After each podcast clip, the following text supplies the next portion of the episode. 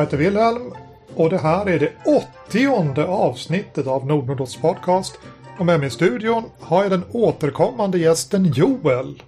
Wey. Wey, tack så mycket. Det är fantastiskt roligt att få återkomma till eh, Nordnordots podcasten. Jag har inte varit med sedan September 2017. ja, avsnitt 36 va? Mm. Och före det så var det april 2012. Ja. Så att sådär regelbundet vart fyra och ett halvt år ungefär så kommer du och rapporterar eh, om hur det går med den yttersta domen. Ja, lite så. Alltså till mitt... Jag vill ändå liksom påpeka att jag var ju med i ett avsnitt här eh, när du pratade med Ronja i, i höstas. Så eh, flikade jag in genom att liksom hojta lite eh, från andra sidan rummet. Så att möjligtvis hördes det någonting. Ja, just det. Mm. Eh, Då, eh, ni gjorde eh, palt. Kanske vi gjorde. Bra avsnitt. Eh, det diskuterades palt. Det är inte alla avsnitt av Nordnost där vi gör det. Det, så är det. Ehm, det här ehm, kan vi för all del ha till en återkommande punkt om vi vill diskutera liksom bästa paltrecepter och sådär. Ja, jag, jag, jag äter ju inte gluten så jag är som jättetråkig att ha med i de där paltdiskussionerna. Men eh, Ja, alltså Elin gör ju inte heller det. Och, men jag vet att hon har gjort eh, glutenfri palt. På något sätt i alla fall. Eh, det, det är inte jätteknepigt. Du, du gör det på samma sätt fast med glutenfritt mjöl utan istället för vanligt mjöl. Men eh, jag vet inte, ska vi prata om palt eller ska vi prata om... Eh, rollspel. det kan vi också göra. Har du, har du spelat något? Kanske inte sen de senaste fyra och ett halvt åren då. Men jag tänkte någon, någon sådär lite grann i närtid som du tycker kunde vara roligt att prata om. Ja, jag har spelat eh, jag har spelat ett par grejer som har varit roliga att prata om. Uh, å ena sidan så har jag ju speltestat uh, Den yttersta domen, det äventyr som, som jag håller på att skriva färdigt för release nu ett par gånger. Och det är ju alltid roligt. Det har vi spelat både i person och via internet. Uh, men det kanske vi återkommer till. En, någonting som har varit väldigt roligt, eh, som har varit en väldigt positiv överraskning, eh, det är att jag nu i höstas så har jag varit med och spelat i eh, Hantverksgruppens spelmöten ett par gånger. Eh, jag vet inte om du har läst på Vurr nu om, om rapporterna där? Ja, jag har, jag har sett att den pågår. Det är någon sorts studiecirkel i rollspel, eller hur? Ja, lite så. Det är ju ehm, Genesis, alltså Simon Pettersson heter han ju på riktigt då. Eh, som, som har dragit ihop det där. Eh, och han är väl, om hans namn inte är känt så, så är han väl kanske känd för att ha skrivit eh, Svarta kval, Vit av lust, eh, Nerver av stål, Utpost eh, och rent allmänt liksom mm, Arra Indie-rubb på Gothcon och Lincoln och så här. Det är han som har dragit ihop det här och tanken är att det ska vara en, eh, det ska vara som en eh, möjlighet att öva på själva hantverket att spela rollspel. Så att vad, vad, vad man gör, jag har varit med och spelat ett par gånger. Vad man gör är att eh, ja, vi ringer upp varandra och så har det förberetts en, eh, en lista med olika ämnen. Till exempel, ja men sist jag var med så då, då hade vi som fokus på att klippa scener och liksom hur man sätter och klipper scener för att, för att få fart i berättelsen. Uh, och så börjar, man med, så börjar vi med ungefär en halvtimmes prat om ja, hur man kan göra, olika tekniker, olika knep, eh, uh, erfarenheter från andra spel. Alltså spåna tankar helt enkelt och samla kunskap. Och så sen så kör vi igång. Premissen är att det är liksom inga förberedelser, det är inget, inga, ingen mekanik. No prep helt enkelt. Så att det är förberedelselöst, spelledarlöst, eh, friform. Brukar turas om att sätta scener och sådär. Och så spelar man för att liksom isolera och öva på, på just de här grejerna. Alltså typ hur kan vi sätta, hur kan vi göra de här grejerna jag pratade om innan? Hur kan vi sätta scener eh, snabbt? Hur kan vi sätta scener långsamt? Hur kan vi börja in medias res? Och så vidare. Ganska häft, det är ett ganska häftigt sätt att liksom spela. För det är ju ett sätt att öva på att bli bättre. Alltså att ta det, på, att ta det här som ett hantverk. Eh, jobba med beskrivningar och dramaturgi och sådär. Som jag tycker är väldigt roligt. Därtill så blir det ganska schyssta berättelser. Eh, alltså eftersom vi inte har snackat ihop oss någonting innan och inte har några förberedelser så blir det ju också ganska, eh, det blir ganska roligt att se vart berättelsen tar vägen. Mm. Det är, det är ju det där att när folk gör det uppenbara så tänker de aldrig att Mm. samma sak som en själv tycker är Mm. det uppenbara fortsättningen. Mm, exakt. Och, och det där förstärks ju också av att vi har, alltså vi spelar ju inte med rollpersonsmonogami, så att säga. Det är inte så att jag äger en rollperson utan vi kastar in lite figurer och så sen så eftersom vi inte har kommit överens om någonting så när det är ens tur att sätta en scen så sätter man precis den scen man vill och, eh, på det sätt man vill och så delar man ut figurer till den man vill. Så att då blir det också att det blir, lite, det blir ett lite annat fokus på eh, berättelsen i stort än vad det annars vanligtvis blir. Såväl i mer traditionella spel som även i mycket indiespel där det ju ofta är ganska antytt att man äger sin egen rollperson. Mm. Eh, Så att nu när jag spelade sist så var det... Det var, det var ett drama i nutid om eh, ja, en kille och hans flickvän och deras förhållande egentligen. De var liksom i fokus, sen fanns det lite biroller runt om men, men allt handlade liksom om, om eh, deras förhållande. Så att eh, ja, vi var sex spelare och vi hade egentligen två huvudpersoner. Så att alla liksom gick ju som fram och tillbaka och gestaltade ju de där. Och det är också kul, för då får man se andras eh, tolkningar av, av det man har pratat om. Coolt! Mm. Det låter uh, mastigt. Är det, är det som... eh, är det roligt? Alltså på, på, på det där viset att det skulle vara en aktivitet att göra även utan att man lärde sig någonting av det. Alltså det här första snacket tycker jag låter ganska eh, spännande, sådär lite workshopaktigt att snacka. Men den andra biten är alltså nästan eh, att det blir, eh, det låter som det kan bli lite eh, rumphugget på något vis. Att man som bara, nu klipper vi ut fem minuter ur någon historia och så spelar vi den och sen så eh, tycker vi att vi har lärt oss någonting och sen så går vi vidare och gör nästa klipp som kanske är från en helt annan historia. Mm, alltså vi spelar ju en sammanhållen... När vi spelar så spelar vi ju en sammanhållen eh, berättelse ändå. Så att, så att vi kör ungefär 30 minuter förberedelser och snack och så sen så börjar vi spela. Och sen så håller vi oss till samma figurer, samma story. Ja, okej. Ja, okej. ja. Mm. Så att vi, vi, det tar väl ungefär en och en halv timme att spela. Ungefär så lång tid har vi spelat liksom. Man brukar som känna ungefär när när man är nöjd och oftast är det väl efter tre vändor av scener, två eller tre vändor av scener beroende på hur många,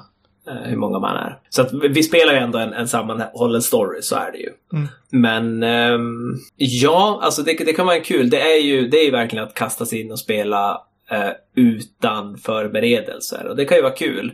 Men det blir ju också den här grejen att det blir så bra som spelarna eh, förmår. Det vill säga, vi kastar oss in och så sen så måste vi ha koll på varandra och bygga fokus och så vidare. Och jag vet att somliga tycker jättemycket om det här eh, och tycker att Simon till exempel har ju pratat och skrivit om hur han tycker att de här berättelserna är bland de häftigaste han har spelat. Och jag håller med om att, jag håller med om att de är coola, de är liksom överraskande. Det är inte riktigt vad jag är ute efter för att jag känner att eh, mer än vad han är så tycker jag om att förbereda en bakgrundssituation och liksom se hur eh, figurernas handlingar följer av, eh, av denna. Men eh, det är absolut trevligt. Eh, Men, men jag tror att man ska se det lite som en, som en workshop-grej. Som Mm. att man, eh, syftet är att man ska öva på de här färd, grundfärdigheterna, inte att man ska få till en jätteschysst berättelse. Men det blir ofta en, eh, en eh, följd. Mm. Så. Ja, du, du sa att det, det, passen blir som typ en och en halv timme långa. Och jag, jag kan känna igen det där nu när vi har, eh, vi har ju spelat massor med online Mm. nu på, i en ganska liten grupp. Vi har varit tre personer i alla mötena. Och det är så otroligt intensivt. Vid ett vanligt spelbord så blir det som mer pauser på något vis. Folk, folk, går sin väg och eh, det är som småpratas om annat sådär. Men när vi sitter och spelar nu online så är det så otroligt intensivt. Så att efter en och en halv timme så börjar jag bli matt. Jag tror inte något av spelmötena har varit mer än två timmar. Har, har det att göra med... eh, Det har inte att göra med antalet spelare då, utan det har att göra med att man kommer in i en annan energi, eller? Ja, med, med ett annat fokus. Alltså man, man, det blir ju som lite skygglappar när man sitter där framför, framför datorn med mikrofonen och anstränger sig för att höra vad folk säger. Mm.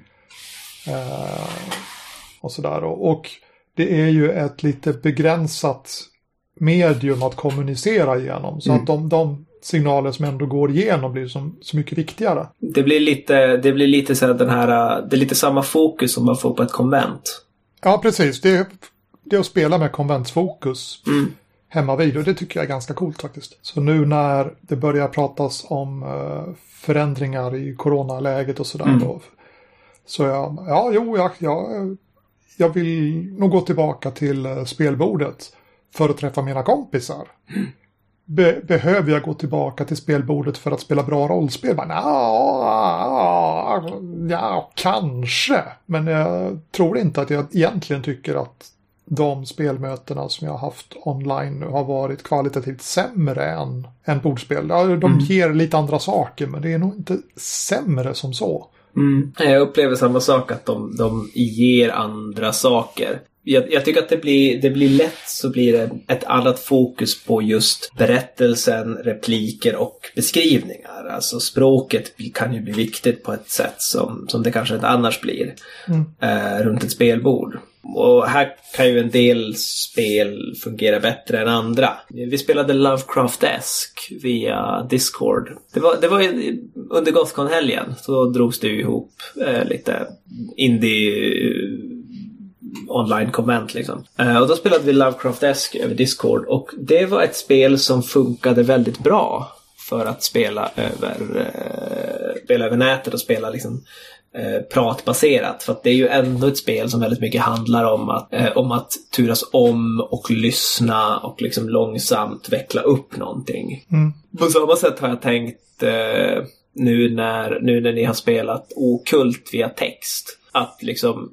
fan okult måste ju nästan passa bättre att spela via text än runt ett spelbord. Ja, det, det funkar så otroligt bra för textformatet. Mm. Just eftersom man, man uppmuntras. Ja, men ta, ta, ta din tid, fundera. Och, i, I pappersboken så står det ja, när ni spelar, prata långsamt. För, för att hjärnan ska liksom hinna med och tänka om att lyssnarna ska hinna ta till sig det som sägs. Liksom. Mm. Men, men nu när vi är textbaserade så känner man inte någon sorts stress heller att nu måste jag skriva utan nej men nu, nu ligger bollen hos mig. Nu kan jag skriva och medan jag formulerar mig och liksom letar efter smaken i den här scenen så, så är spelet egentligen pausat. Och det kostar inte mina medspelare något. Ja, visst, de kanske väntar otåligt, men de väntar ju otåligt medan de gör andra saker på ett helt annat sätt än vad det hade blivit om, om vi hade spelat vid ett bord och någon skulle liksom fundera fem sekunder på en formulering och folk piskar fram telefonerna och spelar eh, te- spel i väntan på det här. Liksom. Jag har inte testat att spela okult över, eh, över voice-länk. Jag har spelat fysiskt vid bord och jag har spelat det textbaserat. Och jag är väl inne på, jag vet inte om det är min åttonde eller nionde kanske, text okult kampanj nu då. Mm. Och jag har spelat tre pass fysiskt vid bord så att eh, ja, det funkar jättebra för eh, Ja, jag tänker också att eh, alltså mekaniken att man, man, man skriver sitt inlägg och så avslutar man med en fråga till nästa Mm. är ju väldigt, väldigt lämpad just för att skapa engagemang och kroka in de andra spelarna. Och jag misstänker att liksom, just genom att man kan sitta och fundera på vilken fråga vill jag ge eh, mina medspelare så kan man, så, så, så kan man liksom hitta, vad ska man säga, det göttiga i scenen. Alltså, ja, att, att, att ge dem liksom meningsfulla val att göra eh, som skapar engagemang i, i spelet. verkligen.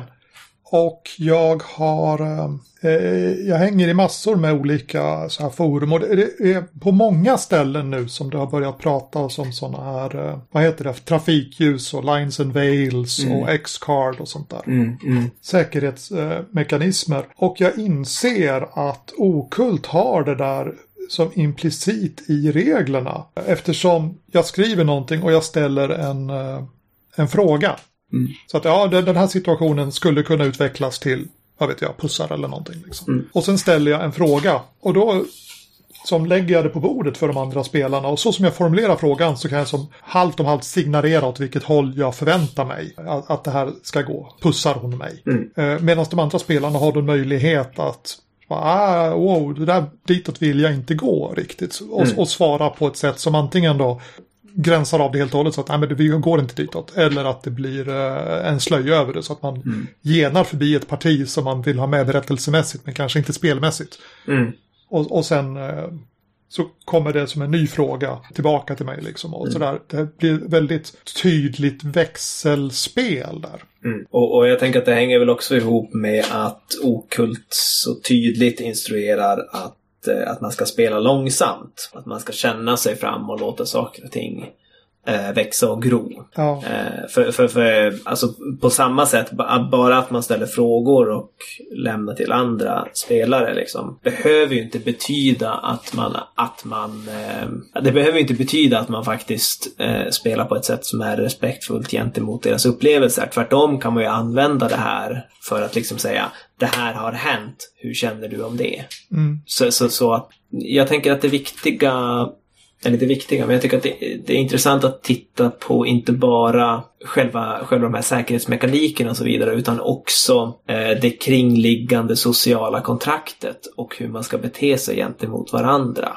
För, för jag har också sett att det, har, alltså, det här har ju snackats om ganska länge eh, och jag har, jag har aldrig riktigt upplevt att liksom till exempel ett X-kort har behövt användas. Eller jag har aldrig sett det användas i spel. Jag har spelat ganska många partier där jag legat på bordet men aldrig sett det användas. Och det finns, eh, jag undrar om det var 2097 på Vurnu som, som diskuterade just det här också. Att liksom en, en risk med att man använder de här grejerna är ju att man, eh, att man på något sätt tänker att verktyget är nog och så sen så skippar man därmed det här förarbetet och det faktiska behovet vilket är att känna in den andra, eh, den andra spelaren. Mm. Och eh, vad ska man säga? Jag har sett det här skrivas om av eh, en bekant till mig som, som skriver i live-sammanhang där man ju också använder liksom, alltså traffic signal eh, grejer och liksom nej och så vidare. Att en risk med att man övar på, eh,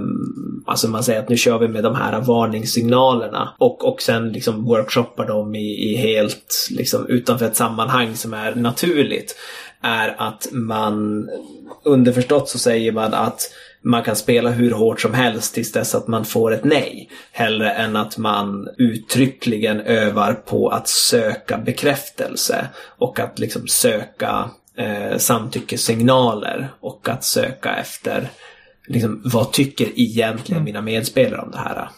Mm. Och, och det är väl lite det som, som du beskriver att, eh, att okult liksom har implicit i reglerna. Ja, det här eh, perspektivet på att, på att spela långsamt och hela tiden ställa frågor. Eh, det, det, det bakar ju på något vis in ett sånt beteende. Mm. Men, men, men, absolut, det, det, som du uttryckte farhågan också. Jag, jag, jag, skulle ju kunna som forcera berättelsen. Mm. Och hon pussar dig, hur känner du?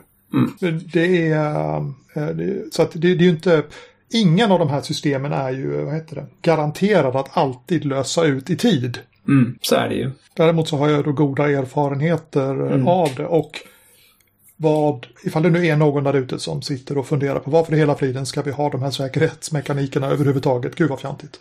Så, så, så, kan jag på något vis förstå det för, för gäng som spelar typ äventyrsspels gamla, gamla grejer, man bankar och monster och sådär. Då, då, i, i, ett sånt, I det sammanhanget så kan jag tycka att det är ganska rimligt egentligen. Mm. Men när vi introducerade överhuvudtaget diskussionen om hur ska vi hantera de här eh, tuffare frågeställningarna, tuff, tyngre teman, så öppnade det också till en förändring av vad våra historier handlar om. Så plötsligt så började de här sakerna figurera i spelet och mm. plötsligt var mitt rollspelande inte längre bara amerikanska actionfilmer.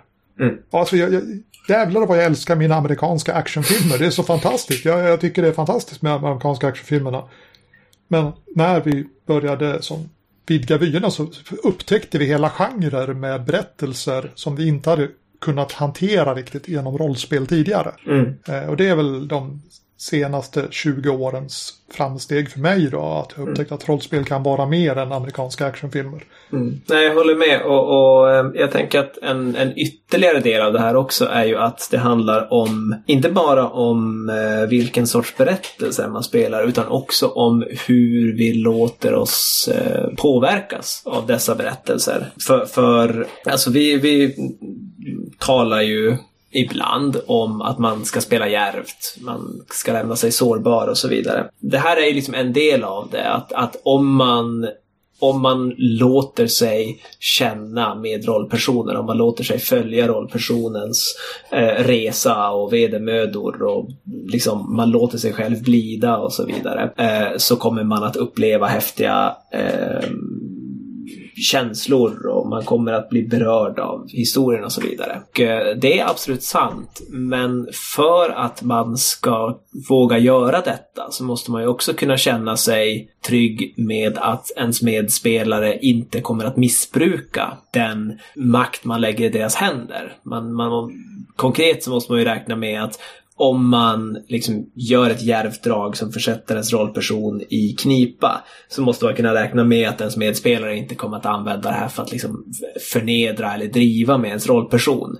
Eh, för då har man tappat liksom kulet, då måste man helt plötsligt börja tänka att man måste skydda sin rollperson från andra spelare. Och på samma sätt så om man söker att spela efter någonting och låter sig bli känslomässigt påverkad och jag vet inte, börja liksom fälla en tår kring bordet eller sådär, vilket har skett fler än en gång. Då måste man ju kunna räkna med att ens medspelare inte kommer liksom sitta och tycka att man är löjlig eller hånar en eller liksom så. Jag tänker så här, syftet med, med sådana här säkerhetsdiskussioner är ju delvis att hitta fler genrer men också att hitta, att ge sig själv möjligheten att, att utforska de här genrerna på ett sätt som känns schysst. Mm. Ja, det var ett, ett, ett litet stickspår som handlade om rollspel och det är ju otroligt ovanligt i Nordost. Ja, det är faktiskt det. Jag kan, jag kan liksom tipsa folk lite här. Alltså, att, att jag tänker så här eh, mycket, det är för att jag har suttit och läst eh, eh boken Spelledarlös friform av eh, Simon Pettersson. Alltså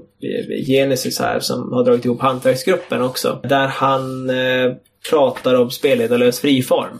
Är, så här kallar han sitt favoritsätt att spela rollspel. Och eh, den är liksom uppdelad i vad ska man säga? Det, det, det är en blandning av manifest och eh, verktygslåda.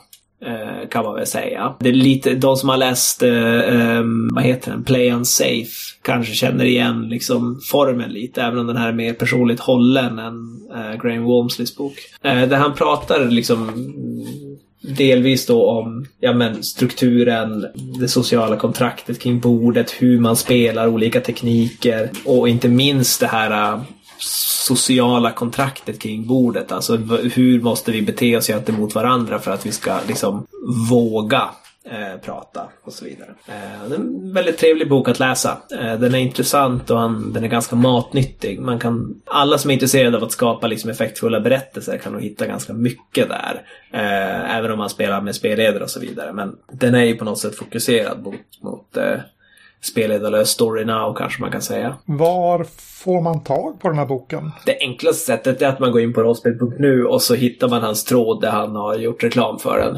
Eh, där finns en eh, länk till en pdf. Simonpettersson.com tror jag är hans hemsida. Jag tror han har laddat upp den där, så är det. Jag, eh, jag, jag googlar lite grann och så stoppar jag en länk i show notesen ifall jag hittar. Så är det. Och jag tror att om man absolut vill ha den i tryck så kan man ju så kan man nog köpa den från Lulu. Jag tror han har lagt upp den där också. Coolt. Eh, vi har varit igång här i en halvtimme ungefär och vid det här laget så brukar vi komma till poängen med Just avsnittet. Det. Just det. Och poängen med dagens avsnitt var väl egentligen att få det senaste av det hetaste om den yttersta domen. Som jag då eh, har sett fram emot i eh, ja, snart tio år nu, skulle jag vilja säga. Därför att vi hade ju det här avsnittet eh, 2012, men då hade jag redan spelat den yttersta domen. Jag kommer inte ihåg när exakt första spelmötet jag var med på var, men det var hemma hos Anton och vi var ute i en eh, sån här eh, zon och var eh, pilgrimer eller flyktingar eller något sånt där. Oj, nu måste jag tänka.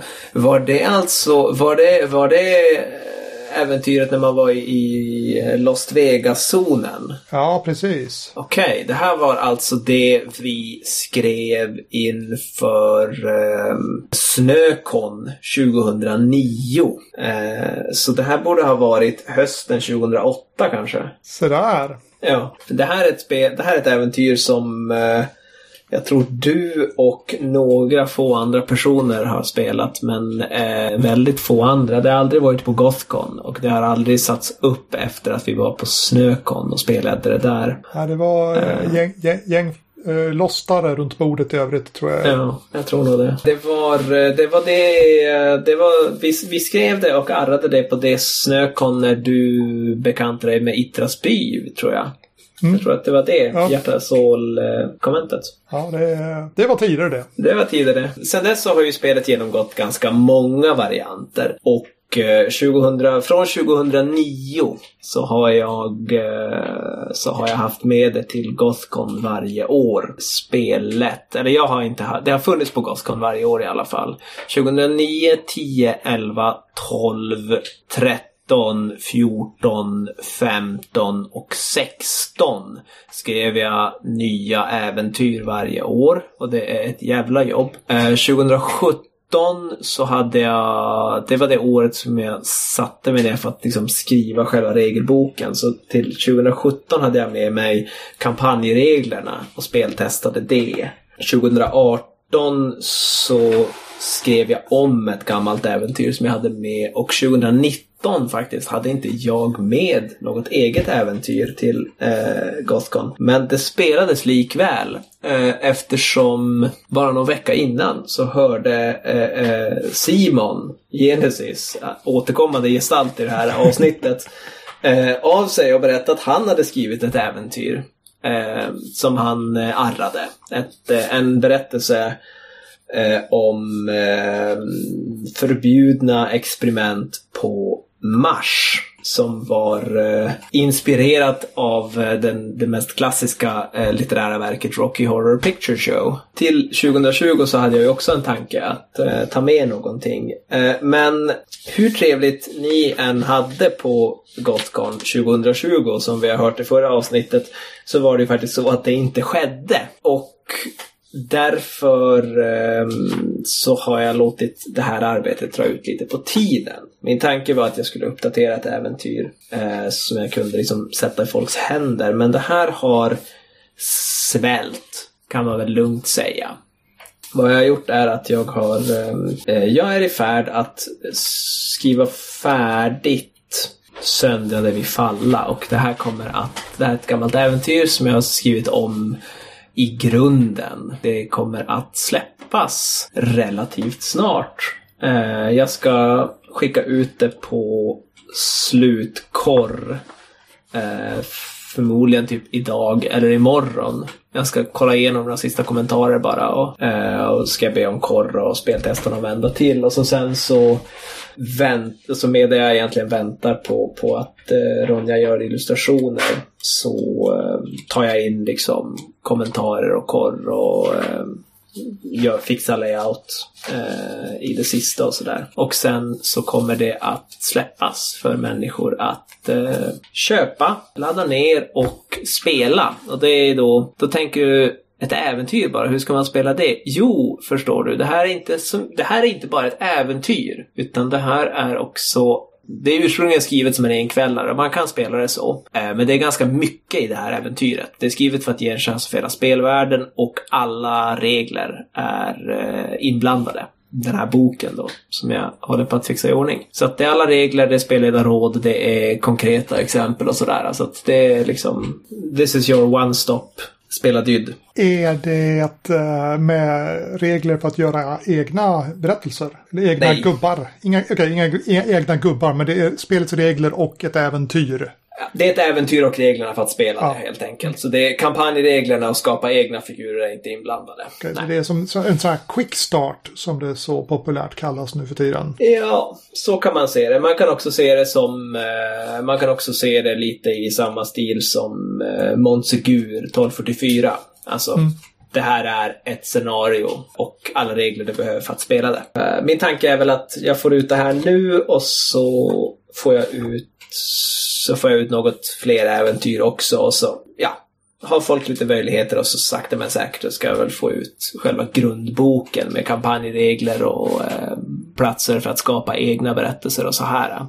Men det är ett lite större arbete och eh, det jag tänkte var att ja, men jag vill få ut någonting. Jag vill få det här spelet i folks händer och jag vill att folk ska kunna spela det och läsa det och eh, ta sig an det mm. helt enkelt. För, för de som har följt podden sedan avsnitt 13 har ju då järnkoll på det här. Eh, ska du pitcha spelet lite grann sådär? Mm. För de, de som har kommit in bara det senaste året. Det kan jag absolut göra. Jag skulle kunna göra så här att eh, jag läser, jag skulle kunna läsa upp prologen till äventyret. Det är ju alltså skrivet så att eh, när man börjar spela det här eh, spelet, det är ett science fiction-spel om tro och religion i nådens år 2700. När man kastar sig in i detta spel, så, eh, eller detta äventyr, så, så är det så att först av allt så eh, finns en prolog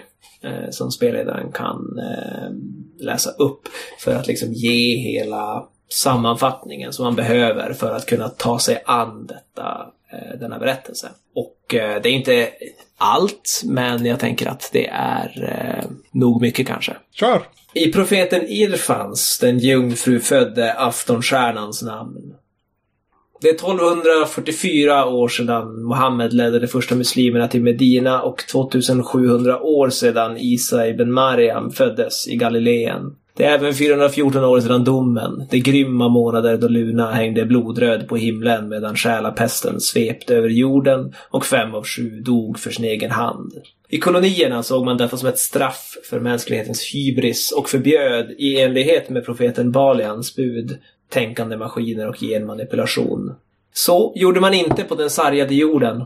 Där samlades mänskligheten i det väldiga kalifatet. Det sträcker sig från Iberien i väst till Nusantara i öst och ut i omlopp och är idag solsystemets teknologiska, kulturella mittpunkt.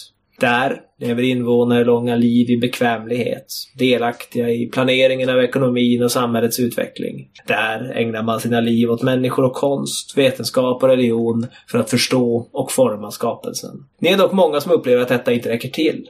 Dessa världsliga ansträngningar, dessa ändlösa debatter, det riktar kalifatets invånare mot sig själva och bort från Gud. Det grubblar mer om att återskapa korallrev än om att finna enhet med den allsmäktige. Det var många vilsna som sökte efter ny väg genom tillvaron. Balianisterna har somliga goda tankar, men det handlar om en svunnen tid. Nej, ni väntade på er tids profet. Så framträdde han äntligen, för blott några år sedan. Irfan, er älskade aftonstjärna. Först predikade han för blott en utvald skara, men trots hemlighetsmakeriet drog han till sig tusentals sökande från hela kalifatet och bortom. Han invigde er i skapelsens hemligheter och avslöjade falskheten i alla andra trosystem. Tillsammans skapade ni ett samfund. Den levde för Gud och Gud levde ibland er. Där ni älskade era syskon genom Gud och Gud genom era syskon. Vägledda av er profet Irfan sökte ni att transcendera denna förgänglighetens värld genom att leva i strikt ordens hierarki, askes, genom meditation och bön. Den tidlöse visade er profeten enda vägen till evigheten och han delade den med er. Han visade er även den nyckel som låser upp evigheten för en var som vet att använda den. Kapaken, det heliga kopparmöglet. I domens svallvågor uppkom detta mögel i de sex heliga zonerna. I Mekka, Jerusalem, Ganges, Pripyat, Las Vegas och i Rom. När ni inmundigar dess kopparfärgade frukt eller inandas kapakrökelsens söta saffransmål nalkas ni snart den evige. Du själv vittrar bort i extasen och era sinnen sammanlänkas med alla andra närliggande kapakätares.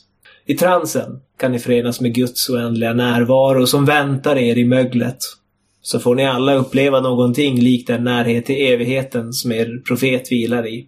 Denna lugnets tid var dock kortlivad. För snart inleddes kalifatets förföljelser. Det räds kapakens blottläggande kraft och håller det som fullständigt förbjudet att hantera möglet. Ni behövde försvara er och anförda av er älskade aftonstjärna framträdde ni öppet inför världen, bröt med kalifatet och inledde det sista kriget om människans själ. Först befriade ni Romzonen från väktargardets trupper och sedan resten av den apenninska halvön. Ni utropade er älskade profet till Irfan Ajusto, Guds utvalde kejsare över Augustinatet Roma. Halvöns invånare konverterades raskt och ni var tusenden som vallfärdade till Roma, lockade av drömmen om en plats där ni fick leva för Gud hellre än för korallreven. Äntligen kunde ni augustiner ni som kommit till insikt om denna förgänglighetens värld. Ni som har upplevt den närhet till Gud som Kabaken förmedlar. Ni som har fått gömma er undan väktargardets förtryck. Äntligen kunde ni leva ett liv i den eviges omfamning.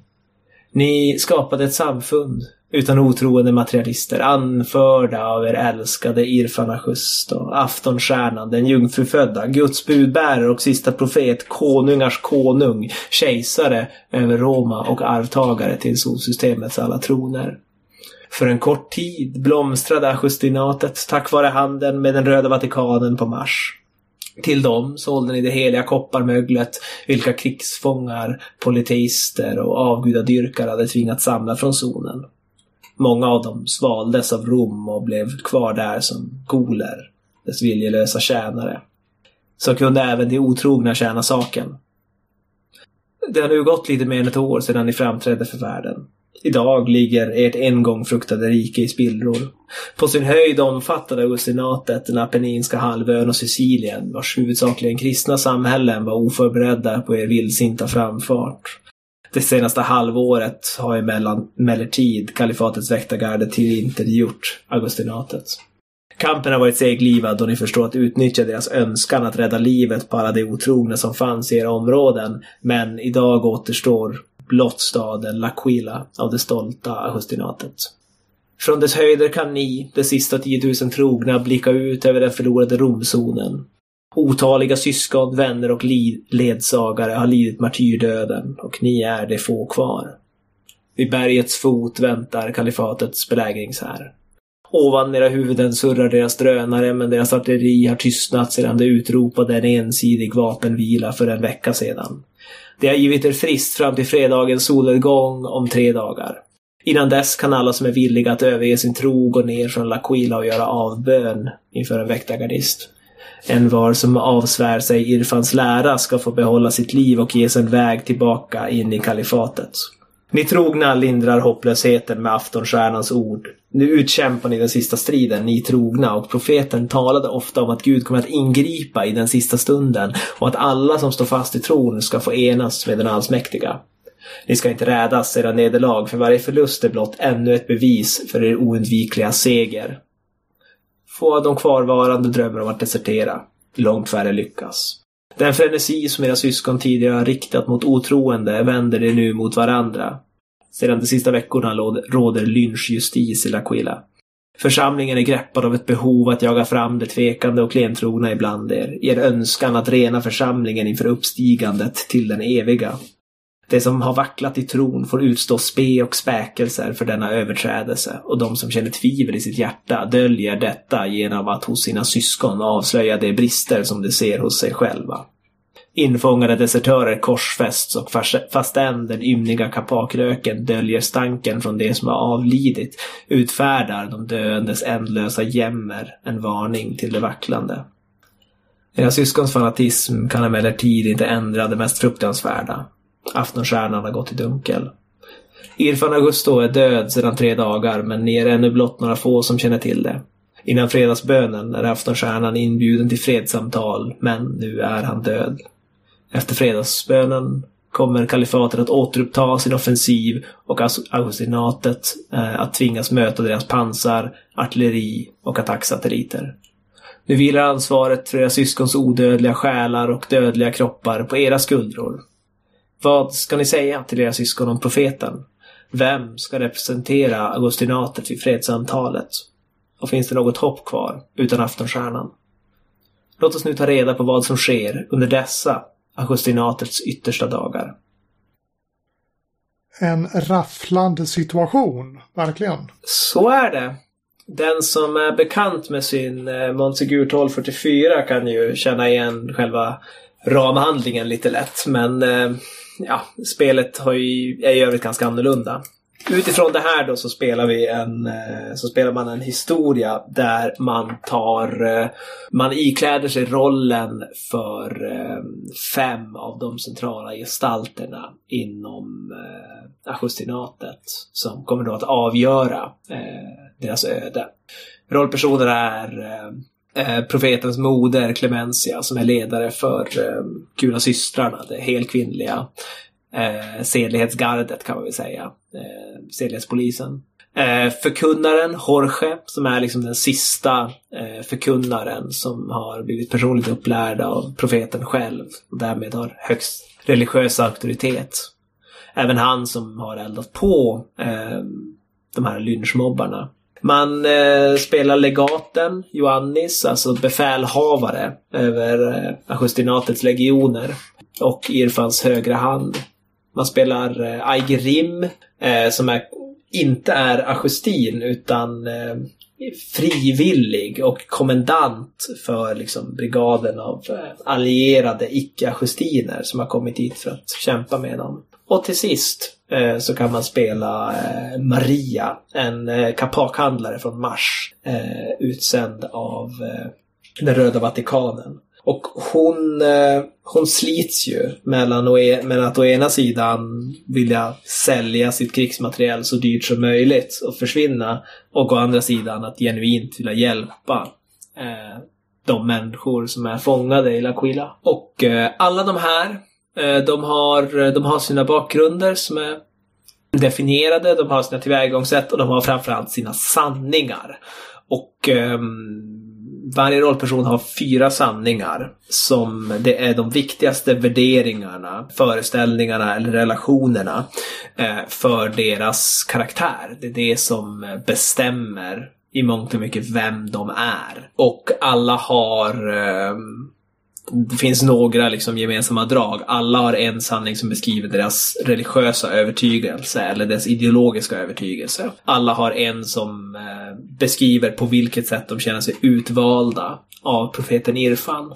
En, alla har en som beskriver eh, en relation till en av de andra rollpersonerna. Och eh, alla har sen en sista som rundar ut eh, karaktären. Och det beror, där finns det lite skillnad helt enkelt. Och eh, de här sanningarna är väldigt mycket vad de här handlar om. Så till exempel, jag kan ta eh, eh jag kan ta eh, Clemencia, profetens mor här. Eh, som ett exempel. Hon, eh, hon känner, hon är jungfrumodern. Eh, hon är utvald så hon har varit den som har haft koll på akostinatets inre säkerhet och syskonens dygd. Men allt det här är ju hotat nu för hennes son är borta.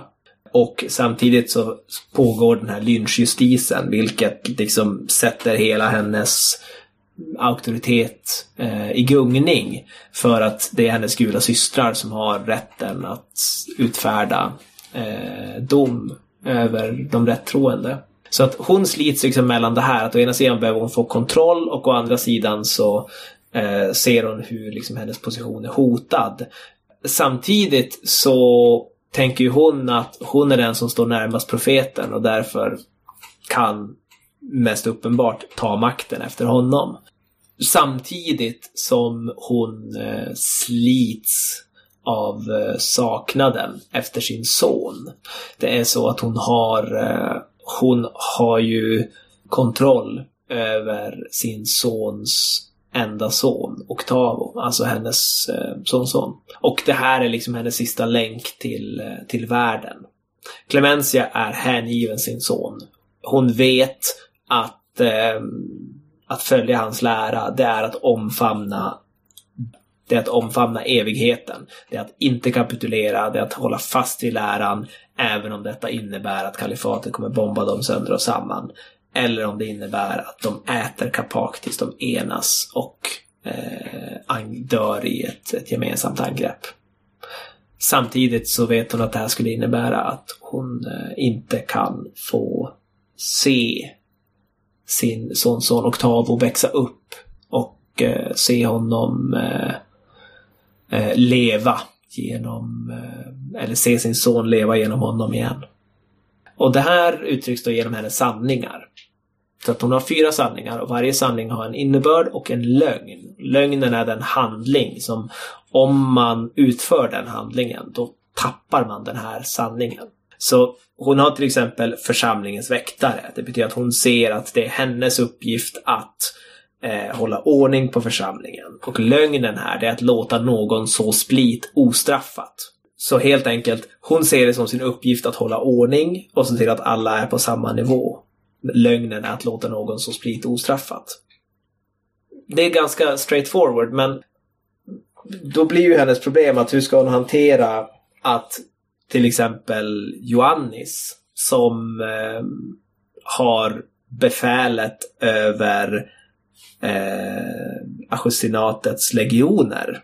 Vilket utgör majoriteten av alla de kvarlevande syskonen. Kanske inte håller med henne. Ska hon fördöma honom och ställa honom inför rätta och riskera ett uppror? Eller ska hon acceptera att han sår split och försöka liksom bilda en allians genom, eh, genom, eh, genom att manipulera honom eller kompromissa? Om hon kompromissar och låter honom uttala en annan tanke, för Johannes vill inte alls dö. Han menar att man borde kapitulera eh, så att syskonen kan leva vidare och profeten genom församlingen lever vidare. Om hon låter honom liksom tala öppet om det här då kommer hennes position undermineras. Men om hon försöker sätta dit honom så riskerar hon ett inbördeskrig. Vilket hon kanske förlorar. Så att sådana här saker måste hon, hon väga mellan. Ska hon hålla fast vid sina värderingar eller ska hon uttala lögnerna? Och tappa de här sanningarna. Det som är saken är ju att kan dra, man kan dra styrka av sanningarna i, i konflikter och eh, det är de som liksom driver en. Hennes, hela hennes karaktär sammanfattas då genom hennes fyra sanningar där hon är församlingsväktare, hon är jungfrumodern, där lögnen är att se någon, att acceptera en annan ledare för Justinatet. För hon ser ju att hon är den enda som kan ta över. Hennes tredje, det är att hon avskyr Jorge, förkunnaren. Hon tycker att han är fruktansvärd. Och lögnen att tala till honom som en jämlike. Det här kan ju innebära problem för Jorge vill likt henne också eh, att församlingen ska gå i döden. Och han som har eldat upp de här lynchmobbarna kan ju vara en ganska god allierad i hennes kamp mot Joannis. Men det får vi väl se om hennes stolthet tillåter henne att liksom svälja, Eh, svälja det här och samarbeta med honom. Det skulle förmodligen innebära att hon uttalar lögnen både på den här avskyn till honom genom att tala till honom som en jämlike, men också på församlingens väktare. Att låta någon så split ostraffat. Och till sist så är hon mor och farmor. Där det är den här, det är den här kopplingen till hennes sonson som liksom binder fast henne vid världen. Det här är det sista hon inte kan förkasta. Eh, att, att hon kan följa sin sons lära så pass väl att hon kan ge upp allting förutom den här kopplingen till sin son och genom honom då till sin sonson. Så där är lögnen att låta Octavo gå under med dem. Som vanligt, de här äventyren i till den yttersta domen, att det är som en, en tågkollision att ske över en krutdurk. Och rollpersonerna är inte ett party. Jag ska inte säga att det är PVP här, men det är CVC, alltså character versus mm. character. Mm. Mm. I, I högsta grad. H mm. Här kommer det i slutet att finnas förlorare och möjligen någon vinnare. Ja, alltså alla rollpersoner kan inte riktigt få det de vill ha. Inte minst för att eh, alltså den, den, centrala frågan är ju vad ska man göra? Den ena sidan tycker att självklart måste vi omfamna döden, lita blint på profetens tro och uppgå i evigheten. Och den andra sidan, företrädd av Joannis, menar att det måste vi inte alls, utan vi måste kapitulera och överleva. Och eh, det är ganska svårt att få de här två att eh, skaka hand samtidigt så, så beroende på alltså, vilka interaktioner man gör och vilka lögner som uttalas så kan det här förändras. Eh, där till exempel Johannes, han, eh, han har en sån här konflikt inom sig. Där han å ena sidan är enighetsivrare. Han ser det som liksom församlingen är Irfans verk. Det är det som är den viktiga. Den måste vara enad. Den får liksom inte vända sig mot varandra. Men å andra sidan så har han sanningen beskyddare. Vilket innebär att han ser det som sin plikt att rädda församlingens liv. Alltså han har ju varit general och ser därför att liksom, det här är hans uppgift. Att ha koll på det fysiska välmåendet. Eh, och de här två står emot honom. För eh, han kan ju till exempel välja att bara säga att ge upp sin tanke på att man ska överleva och låta församlingen gå i döden. Det är lögnen på hans beskyddare. Och om han gör det, då försvinner ju den. Då, kan, då har han helt plötsligt accepterat att enigheten inom församlingen är viktigare än överlevnaden. Det är ju, för honom är ju då frågan vad skulle vara, vad skulle vara att hålla, hålla profetens eh, minne vid liv på bäst sätt. Det är om, om, om, vi ser till konventsäventyr så är det väl mm. inte ett, ett, helt ovanligt eh, format för ett äventyr, en berättelse. Mm. Men, om, men om vi jämför med, med eh, traditionella äventyr beskriver de ju oftast en, en händelseväckning och spel, spelledaren har som eh, fasta hållpunkter, så, eller stationer som man ska ta personerna till. Men, men här låter det som det inte är så, utan här är det en situation och sen så släpps egentligen hela paketet ner i spelarnas händer. Och sen att se vilka vägval de gör på, på ett rent moraliskt plan egentligen är som äventyret. Vi, vi kallar det ett äventyr men det är... Mm. Berättelsen handlar om rollpersoner och deras val, precis. Ja. Mm. Så är det. Ehm, så, så, är det ju. Jag har läst upp ehm, prologen där och den, den etablerar ju liksom det här är bakgrunden, det här är miljön och det här är vad vi nu står inför. Sen så får alla sina rollpersoner och de är ju relativt definierade. Det är de ju. Men se, och det behöver de vara för att um, hela tanken är ju att de är um, de ska kännas som att de är formade och också fångade av den här miljön. Alltså det här vanvettet att eh, gå i döden eh, måste kännas som en rimlig sak. För att det är vad de är. Det är vad det är för de här människorna. Och själva berättelsen är ju just liksom hur ska de hantera det här? Hur, hur hanterar de att Irfan är borta? Öppningsscenen är eh, att alla befinner sig i tronrummet. Eh, och utanför palatset står en folkmassa och liksom kräver att få se profeten som de inte har talat, eh, eller som inte har talat till dem på tre dagar. Och, och ehm, vad hela den scenen handlar om är ju hur de ska hantera det. Ska de säga att profeten är död eller ska de ljuga om den eller inte? här har de olika ingångar och beroende på vem som vinner den där första seriens konflikt och beroende på vad man säger till folkmassan så kommer helt plötsligt eh, berättelsen att rulla på på olika sätt.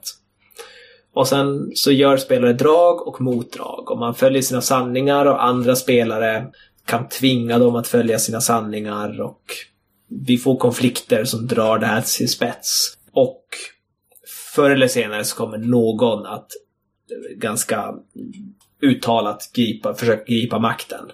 Och hur väl det här går är ju det som på något sätt avgör slutet. Men, eh, men ja, det som du säger, det är lite som att eh, det, det är en väldigt förberedd situation och sen, så är, sen släpper man lös ett, ett koppel eh, skällande hundar.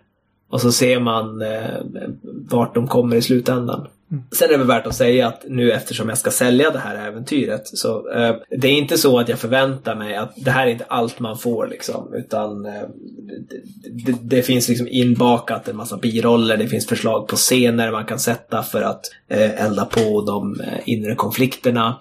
Eh, till spelledaren så finns liksom en massvis med så konkreta exempel på eh, scener eller detaljer som man kan eh, sätta för att eh, etablera stämningen eller liksom gestalta kapaken eh, och församlingen.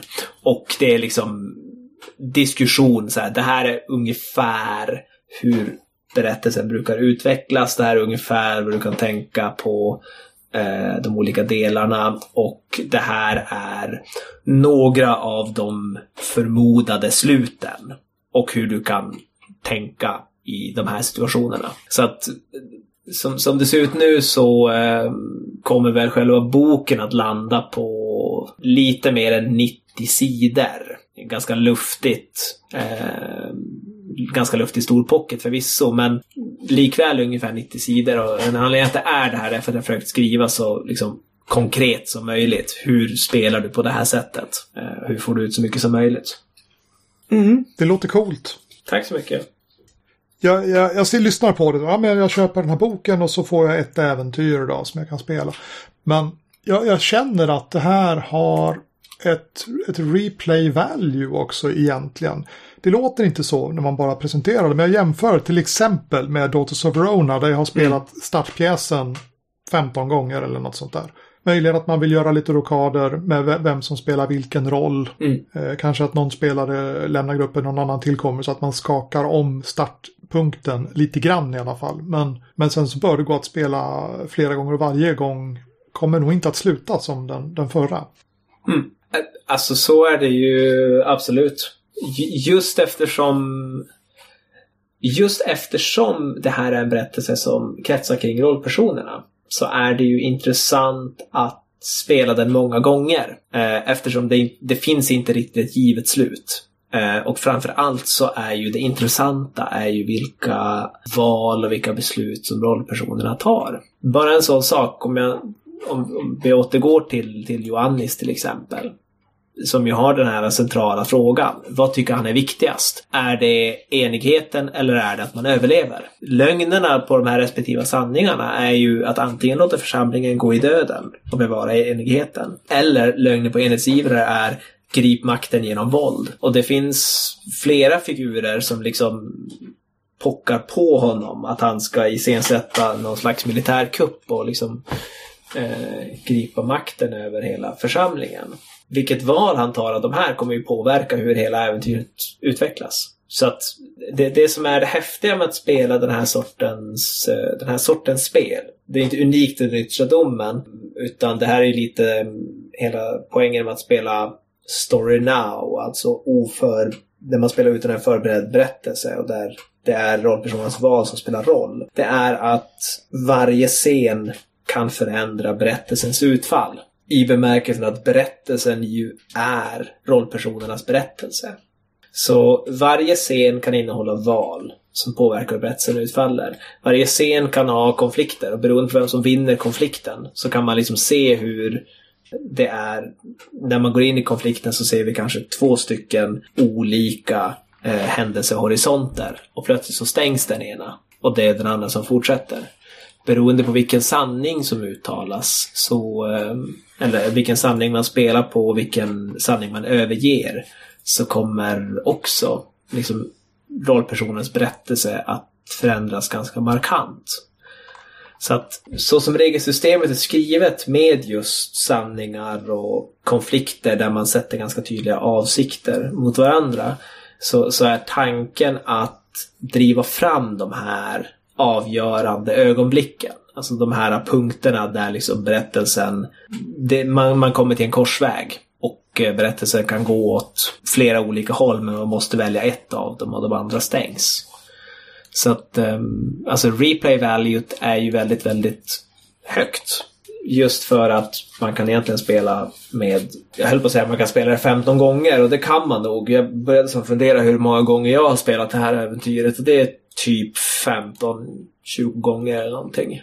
Man kan så fortfarande bli överraskad. Det följer ju av att det är en väldigt förberedd situation. Men därefter så finns det ingenting som är givet.